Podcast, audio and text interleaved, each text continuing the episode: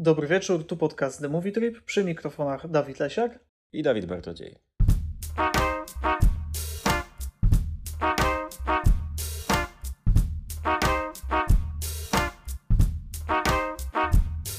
Znajdujemy się w Centrum Kultury Zamek, gdzie właśnie zakończył się 24. Międzynarodowy Festiwal Filmów Dokumentalnych of Cinema. Jesteśmy świeżo po rozdaniu nagród i może od razu powiemy Wam, jakie nagrody zostały przyznane, w jakich kategoriach. Jury konkursu filmów długometrażowych przyznało Złoty Zamek, czyli nagrodę główną dla Macieja Cuskę za film Wieloryb z Lorino, o którym powiemy dzisiaj kilka słów. Srebrny Zamek dla Pawła Chorzępy za film Synek. Brązowy dla Echaba Tarabiecha za film Of Land and Bread, czyli Ziemi i Chleba. Natomiast w sekcji filmów krótkometrażowych jury przyznało Złoty Zamek dla Patrycji Polkowskiej za film Efekt Halo, Kilka słów o tym filmie również powiemy. Srebrny Zamek dla Hipolite Leibowicz za film Mothers i Brązowy Zamek dla Dominiki Łapki za film Dead You Never Had.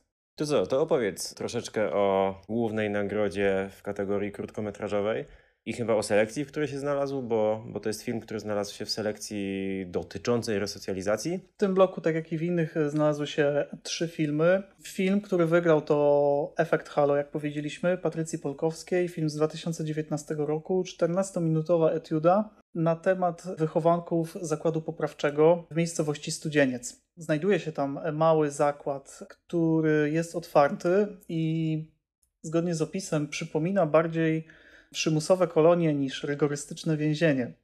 Tego do końca w filmie nie widać, ponieważ jest to produkcja, w której wszystko dzieje się w zasadzie tylko w jednym statycznym kadrze i my jako widzowie niestety nie mamy dostępu do wnętrz tego zakładu. Natomiast poznajemy jego bohaterów, ale poznajemy ich właśnie w sytuacji zewnętrznej, mianowicie cały czas w tym kadrze obserwujemy, jak wychodzą z budynku, jak spędzają czas na schodach lub przed budynkiem. I jak próbują do niego wejść, często e, z różnym skutkiem. I przez małe jedno, drugie okienko i szklane drzwi widzimy fragment korytarza tego zakładu i chłopaków, którzy tam przebywają, gdzieś tam się kręcą. Panujące zasady w tym zakładzie powodują, że można wyjść tam dopiero w, po ukończeniu 21 urodzin. I chłopacy ci, którzy są tam osadzeni, nie mają e, kontaktu z e, światem zewnętrznym za bardzo. Ich jedyną możliwością kontaktu jest e, telefon znajdujący się w pokoju wychowawcy. Tutaj reżyserka postanowiła nie pokazywać, jak oni dzwonią, tylko pokazywać, co robią przed budynkiem, kiedy wychodzą na papierosa, porozmawiać, uprawiać sport. A cały czas ofu słyszymy głosy chłopaków, którzy dzwonią, czyli fragmenty ich rozmów telefonicznych Smutne są te historie, ponieważ raczej, raczej wiążą się z tęsknotą, wiążą się z, z tym, na co oni czekają, czyli na wyjście, nad zastanawianiem się nad, nad swoim życiem. Dzięki tym dwóm prostym środkom filmowym obraz wydaje się poruszający i ciekawy. Bardzo ciekawy efekt został osiągnięty dzięki temu konceptowi na rozdzielenie w zasadzie całkowicie warstwy audio i warstwy wideo. Nawet cięcia niespecjalnie odpowiadają jedne drugim, w związku z czym widzimy cięcie wideo, ale równolegle nie, nie jest ścinana rozmowa i pomiędzy na przykład trzema kolejnymi ujęciami trwa cały czas jedna rozmowa. Innym razem z kolei te cięcia sobie odpowiadają i zmienia się dzień i zmienia się również rozmowa, natomiast to reżyserka całkowicie oddzieliła od siebie i no zdecydowanie istotniejsza jest ta warstwa audio, bo w niej się niemalże cały przekaz na temat postaci realizuje. Natomiast jeżeli chodzi o to, co widzimy, no to tutaj dostajemy takie zadanie, żeby patrzeć na drobne rzeczy, takie jak na przykład tam gość grający w ping-ponga na całkowicie tyłach kadru, albo ludzie próbujący wejść do tego budynku, ale nie mogący, albo ktoś zestresowany na zewnątrz, albo ktoś tam palący fajkę. Takie drobne gesty, które w zasadzie nie mówią nam nic o postaciach, poza tym, że są ludźmi. W międzyczasie czas płynie w sposób, w sposób nielinearny, bo, bo tak jak mówiłeś, zmieniają się pory, ale zmieniają się też pory roku i um, nie, nie wiemy właściwie w jakim momencie jesteśmy e, obserwując te postaci. I warto jeszcze tutaj powiedzieć nieco o tytule tego filmu, o tym, czym jest efekt Halo i dlaczego został użyty do nazwania tej produkcji. Z uwagi na to, że dostajemy naprawdę szczątkowe informacje na temat bohaterów, nasze głowy zaczynają automatycznie sobie dopowiadać informacje na ich temat, no bo to jest bardzo ludzkie, bo tak nasze mózgi zostały stworzone, żeby przetrwać w okrutnym świecie 20 tysięcy lat temu, kiedy bez takiego dopowiadania istniało duże ryzyko, że jakieś niebezpieczne, drapieżne zwierzę by nas zjadło. Natomiast ten mechanizm sprawia w dzisiejszych czasach, że czasem nasze głowy dopowiadają sobie rzeczy na temat ludzi, które niekoniecznie muszą być prawdziwe albo nawet nie są bliskie prawdy. I o tym w zasadzie troszeczkę jest ten film, jeżeli sugerować się tytułem, bo efekt Halo to efekt, który działa w ten sposób, że my na podstawie pierwszego wrażenia na jakieś osoby, na temat jakiejś osoby, dopowiadamy sobie znacznie, znacznie więcej informacji o niej Najważniejszymi atrybutami wywołującymi efekt halo e, są inteligencja, głupota, atrakcyjność fizyczna, nieatrakcyjność fizyczna, dobro, zło. Jeszcze do tego dochodzi wygląd zewnętrzny. Te opozycje zostały pokazane w jakiś sposób w tym filmie, to znaczy mm, za pomocą właśnie nocy, dnia, za pomocą e, tego, jak bohaterowie rozmawiają z ludźmi, do których dzwonią. Natomiast nigdy w tych rozmowach telefonicznych nie słyszymy tej drugiej osoby. Dostajemy tylko to, co myślą i co mówią e, bohaterowie filmu. Całość działa całkiem dobrze jako krótka studencka etiuda na temat, ujmując rzeczy w dużym uproszczeniu, złotej zasady, że nie należy oceniać książki po okładce.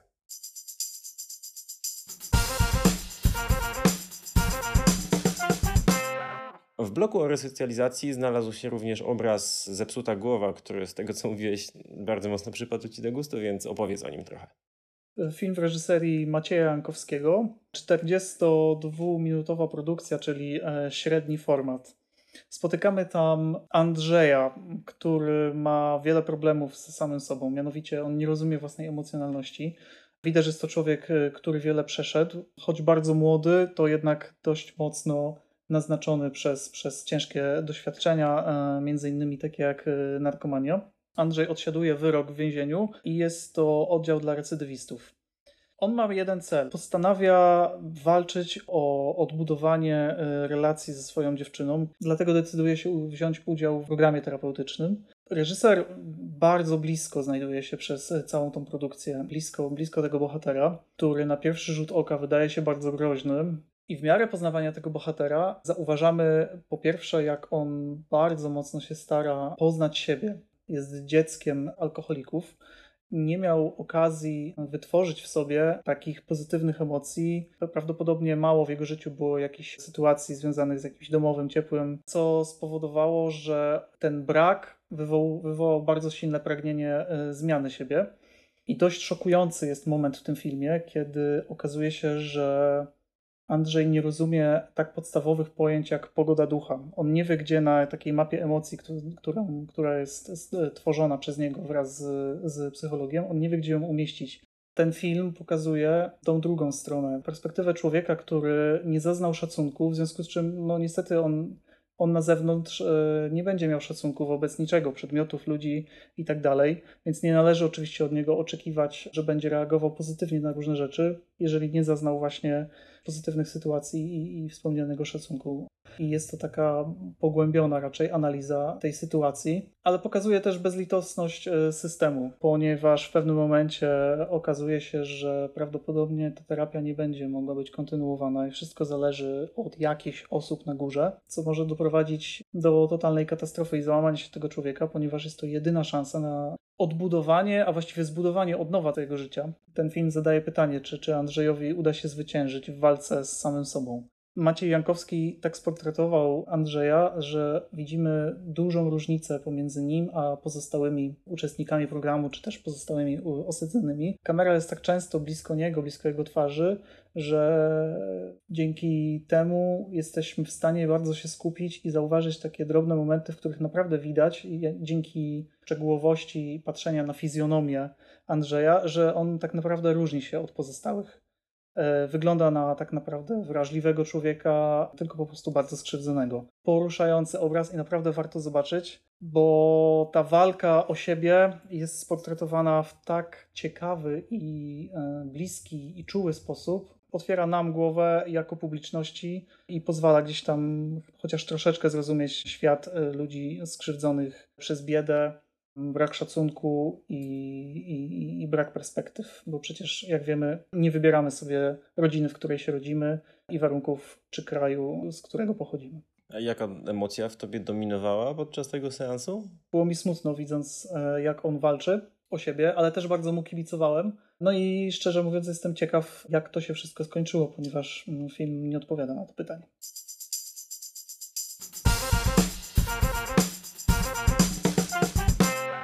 Wracamy do filmów długometrażowych. Jury przyznało Złoty Zamek, czyli nagrodę główną dla Macieja Cuskę za film Wieloryb z Loriną. Wieloryb z Lorino jest filmem opartym na klamrze, więc od razu ma u mnie dwa dodatkowe punkty, ponieważ organizowanie rzeczywistości różnymi środkami zawsze jest dobrym pomysłem. No i tutaj klamra na poziomie wizualnym są to po prostu fale rozbijające się o skały, nieprzyjazne fale zimnego północnego morza. To jest bodajże Morze Czukockie, Yy, tak, mm, kiwasz głową, więc zakładam, że tak, które którego fale rozbijają się o, o, o skały na wybrzeżu. Ponadto słyszymy z OFU narratorkę, która opowiada starą, mm, ludową opowieść o pierwszej kobiecie i o pierwszym mężczyźnie, który to pierwszy mężczyzna był wielorybem, przypłynął z morza, zakochali się i świat był w fantastycznej kondycji, wszystko było dobrze, ale potem przyszli ludzie i zabili tego wieloryba i wtedy się zaczęły nieszczęścia. Dzięki temu środkowi wiemy dwie rzeczy. Po pierwsze, będziemy faktycznie się temu wielorybowi przyglądali, co zresztą sugeruje sam tytuł, a po drugie, będziemy pewnie w jakiś sposób balansowali na granicy dwóch racji wewnątrz dyskusji, której z jednej strony jest ekologia i etyka związana z, z polowaniami, etc., a z drugiej strony jest przetrwanie. Te, te właśnie tematy są głównymi tematami filmu Wieloryb z Lorino, ale nie są jedynymi. I muszę powiedzieć, że jestem pod dużym wrażeniem tego, jak, jak reżyser tutaj tak trochę przeskalował sobie cały świat do tej jednej małej wioski Lorino na Czukotce, w której mieszka tysiąc kilka osób. I to jest naj, największa osada rdzennych mieszkańców tego regionu świata. Oddalenie od, od, od zglobalizowanego świata i przyjrzenie się właśnie takiej y, mocno odizolowanej jednak y, społeczności pozwala nam spojrzeć na rzeczy, o których my wiemy i które już znamy, ale z takiej odrobinę innej perspektywy. Takiej, która otwiera nasze głowy na, na rzeczy, które wcale tak oczywiście do tych głów nie przychodzą. No i finalnie ja sobie wyróżniłem takie cztery tematy, które gdzieś tutaj po drodze są poruszane, bo też ten portret tej, tej wioski, tej społeczności Każdej z nich poświęca troszeczkę czasu ekranowego i troszeczkę uwagi, pozwalając nam, dając dość dużo czasu na, na refleksję na temat każdej z nich, bo tutaj prowadzenie tego filmu nie jest spieszne. Mamy dużo przedłużających się ujęć, które, które pozwalają właśnie w takim wolnym, refleksyjnym rytmie podchodzić do, do obrazu. No i zacznijmy może od takiej najbardziej najlżejszej, a przynajmniej z pozoru najlżejszej części, czyli kolorytu lokalnego, nazwijmy to bo w pewnym momencie tam na ekranie obserwujemy w, u, w lokalnej szkole lekcję, która tyczy się humanizmu. No i y, pan nauczyciel opowiada o tym, humanizmie dzieciakom, dzieci kiwają głowami i być może rozumieją i być może nie. Natomiast kamera z POV pana nauczyciela zaczyna zmieniać ostrzenie z pierwszego planu na drugi i na pierwszym planie są dzieciaki, a na drugim na ścianie wiszą sobie portrety przywódców i, i liderów politycznych Rosji na przestrzeni ostatnich 100 lat. W związku z czym tam mm, zabawnie bardzo obserwuje się lekcje na temat humanizmu, która jest obserwowana ze ściany przez na przykład towarzysza Stalina, ewentualnie przez pierwszych sekretarzy Komitetu Centralnego Komunistycznej Partii Związku Sowieckiego. To ja zrobię takie małe wtrącenie tutaj.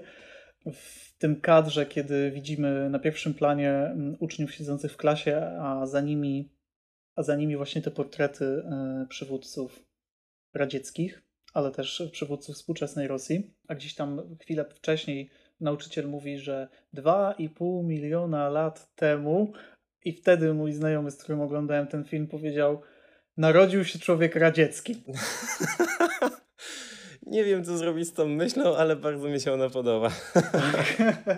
E, no i właśnie troszkę jak spojrzeć na, na to, co, co stało się w, tej, tych wioskach e, i miasteczkach, w których kręcony był ten film, to ma się wrażenie, że to właśnie było tak dawno temu i że te zmiany zaszły tak głęboko, że ten system i ucieczka od niego, one są właściwie nie do, nie do pokonania. Tam ci ludzie nie mają żadnych perspektyw. Strasznie, strasznie mało było sytuacji w tym filmie, które były jakkolwiek miłe i pozytywne, bo życie tam, jak mówi sam opis, życie tam powoduje, że przeżywają tylko najtwardsi. Ale teraz zacząłem w ogóle wypowiedź na, tego, na, na temat tego filmu stwierdzeniem, że struktura jest fajna i dzięki strukturze można sobie organizować rzeczy. I zacząłem wypowiedź o filmie o tym, że najpierw takie delikatne, e, lekkie ciekawostki na temat kolorytu lokalnego i tutaj wjechałeś z ciężarem istnienia w no. nieprzyjaznych warunkach. Bardzo okrutnie z twojej strony. Bo ten film jest okrutny i pokazuje e, okrutną prawdę o tym, jak, jak zniszczono te plemiona, czy plemię, które tam żyje. I nie pozostawiono im nic. No i słuchając ciebie przez pierwsze kilkanaście zdań, po prostu pomyślałem, że już, już trzeba, trzeba powiedzieć dokładnie, dokąd ten film zmierza i, i co reżyser pokazał. Jest coś mm, dwojakiego w obserwowaniu, jak pomnik Lenina góruje nad outdoorową dyskoteką, która się odbywa wieczorem właśnie w tej społeczności. Ludzie tam sobie tańczą, na jakimś cokole są jakieś światła i w ogóle z tyłu patrzy z taką podkówką na ustach ten Lenin i, i obserwuje, czy, czy ludzie się dobrze bawią. I to z jednej strony jest zabawne, no bo, bo w, w przestrzeni współczesnej takie anachronizmy jak pomnik Lenina zawsze sprawiają, że, że, że ten dysonans poznawczy daje pewien efekt komediowy, ale z drugiej strony jest to też takie troszeczkę niepokojące, bo być może on tam żyje bardziej niż, niż, niż my byśmy chcieli, czy też niż by się wydawało na pierwszy rzut oka. I troszkę te kadry z, z głową Lenina na cokole, one są już, już pewną kliszą, są trochę wytarte i w wielu filmach się pojawiały. W filmach o, o niedalekim wschodzie, mm, niedalekim od Polski. Natomiast tej produkcji ten obraz działa wybitnie. No i teraz idąc właśnie w kierunku tych, tych, tych cięższych przemyśleń, w które nas tak łagodnie wprowadziłeś, lekcja o humanizmie zestawiona z liderami rosyjskimi i radzieckimi to jest jeden, jedna strona medalu, tak powiedzmy, ale drugą stroną medalu jest ta lekcja o humanizmie zestawiona z tym, w jaki sposób ludzie w tej wiosce zdobywają swoje pożywienie. A oni zdobywają je w ten sposób, że polują na wieloryby i oni są niejako od tych wielorybów uzależnieni. To jest sytuacja, w której albo, albo uda się upolować wieloryba i wtedy wszyscy będą mieli co jeść, albo wszyscy umrą z głodu, bo, bo nie ma innych opcji. I to jest taka sytuacja, powiedziałbym, że klasycznie klasycznie ludzka, ale nie dzisiaj, tylko przez większość historii gatunku ludzkiego, czyli trzeba upolować zwierza, bo inaczej będzie zimno i umrzemy z głodu. Obecnie dyskusja na temat gdzieś tam polowania, zabijania zwierząt i tak dalej przeniosła się na zupełnie inny poziom z tego powodu, że duża część świata, w każdym razie ta, która jest nam najbliższa, bo dotyczy bezpośrednio nas, funkcjonuje w takich warunkach, że przemysłowa produkcja żywności, etc., pozwala na to, żeby móc rozmawiać o etyce jedzenia zwierząt, natomiast dla tej konkretnej wioski to to w ogóle nie może być postrzegane jako, jako problem, bo oni mają problem bardziej podstawowego poziomu, czyli nie mają alternatywy, w związku z czym muszą zjeść tego wiele ryba, jeżeli, jeżeli chcą żyć dalej. I mm, z jednej strony myślimy sobie, że, że, że, że okej, okay, to jest bardzo fajny głos w dyskusji, ale z drugiej zastanawiam się, bo przy każdym takim wątku zastanawiam się, czy nie da się ekstrapolować tej małej wioski na cały świat. I czy, czy to nie jest troszeczkę tak, że, mm, że na świecie w tym momencie mamy tylu ludzi, że wyżywienie ich wszystkich, tak żeby nikt nie był głodny, etc., i tak wymaga w pewien sposób poświęceń etycznych. Wydaje mi się, że, że ten film niejako zaczyna tę rozmowę, bo jeżeli mamy na świecie niemalże 8 miliardów ludzi, to bez przemysłowej produkcji mięsa i, i, przetworów, przetworów nabiałowych, no po prostu nie da się tych wszystkich ludzi wykarmić, więc to są dwie strony tego samego problemu. Sprawienie, że, że, że ludzie będą najedzeni, no i w przypadku tej wioski, tej wioski Lorino, liczba ludzi do wykarmienia nie jest duża, ale liczba źródeł pożywienia też nie jest duża i, i, i po prostu nie ma innych opcji. A w przypadku populacji całego świata, liczba ludzi do wyżywienia jest tak duża, że z zupełnie innego powodu trzeba iść na pewne ustępstwa etyczne, a przynajmniej nie, nie tyle trzeba, co jest to, może być to uzasadnione. A patrząc jeszcze na inne warstwy tego filmu, bo, bo, bo powiedziałem, że wy, wymieniłem sobie cztery, jednym właśnie były te hmm, idiosynkratyzmy lokalne, drugim spojrzenie na etykę spożywania mięsa, ale są jeszcze dwie inne rzeczy w tym filmie. Jest, jest po prostu takie spojrzenie na, na to życie toczące się tam, życie toczące się w okrutnych warunkach z dwóch powodów okrutnych, bo z jednej strony jest ta natura, która jest surowa, bardzo piękna, ale jednak idąca na żadne ustępstwa, bo to wszystko się dzieje przecież w obszarze tundrowym, gdzie jest zimno, nieprzyjaźnie, niemalże nic nie rośnie, woda jest lotowata, wieje zimny wiatr z nad cieśniny Beringa. No i generalnie życie tam nie należy do najprzyjemniejszych i najłatwiejszych rzeczy na świecie. A z drugiej strony jest cały ten bagaż polityczny, o którym już wspomniałeś, który gdzieś został rzucony na ludzi tam mieszkających, bo o nich po prostu w pewien sposób zapomniano. No i patrzymy sobie na to życie, widzimy jakieś bawiące się dzieciaki, widzimy, że starzy ludzie umierają, widzimy, że, że, że to jest Oczywiście w pewnym oprószeniu, ale takie życie, jakie prowadzili ludzie przez, przez większość e, historii naszego gatunku, tylko że z pewnymi udogodnieniami technicznymi, jakie współczesne jazzy dają, czyli jak się goni wieloryba, to nie trzeba wiosłować, tylko można odpalić silnik motorowy, plus można się porozumiewać za pomocą krótkofalówki, żeby efektywniej się komunikować i, i móc, móc go szybciej dorwać. No i ostatnia rzecz, e, którą sobie tutaj wychwyciłem, to są właśnie te obrazy przyrody i zresztą no, trudno ich nie wychwycić, bo reżyser też poświęca długie, takie refleksyjne, pozwalające na, na oddech fragmenty. I wtedy też mamy silne wrażenie, że to jest tak piękny, niemalże dziewiczy obszar, ale jednak zestawiony z tym, w jaki sposób y, żyje się w tym trudnym klimacie, to, to, to piękny, ale, ale bardzo surowy. I jeżeli jest jedna rzecz, która z niego dla mnie pozostanie, to jest właśnie ta próba ekstrapolacji. Nie jestem pewien, czy reżyser próbował to robić, natomiast ja, ja sobie pozwoliłem i, i, wydaje mi się, że dla mnie to ma sens. Mm, ekstrapolacji właśnie tej drobnej wioski na cały świat i, i weryfikację, czy te same problemy, które posiadają ludzie mieszkający w Lorino, posiadają też ludzie mieszkający po prostu na ziemi, tylko że w jakiś odrobinę inny sposób. Gdy tylko film ten będzie dostępny w jakiejś formie do obejrzenia w internecie, bardzo będę zachęcał, żebyście po niego sięgnęli. E, pełną informację na temat zakończonej właśnie edycji festiwalu znajdziecie na stronie internetowej Centrum Kultury Zamek. A na dzisiaj to tyle. Będziemy się powoli żegnali po tym odcinku specjalnym, a od następnego wracamy już do regularnych nagrywek na temat bieżących premier, a także tego, co znajdziecie na VOD. Słyszymy się już za kilka dni. Cześć. Cześć.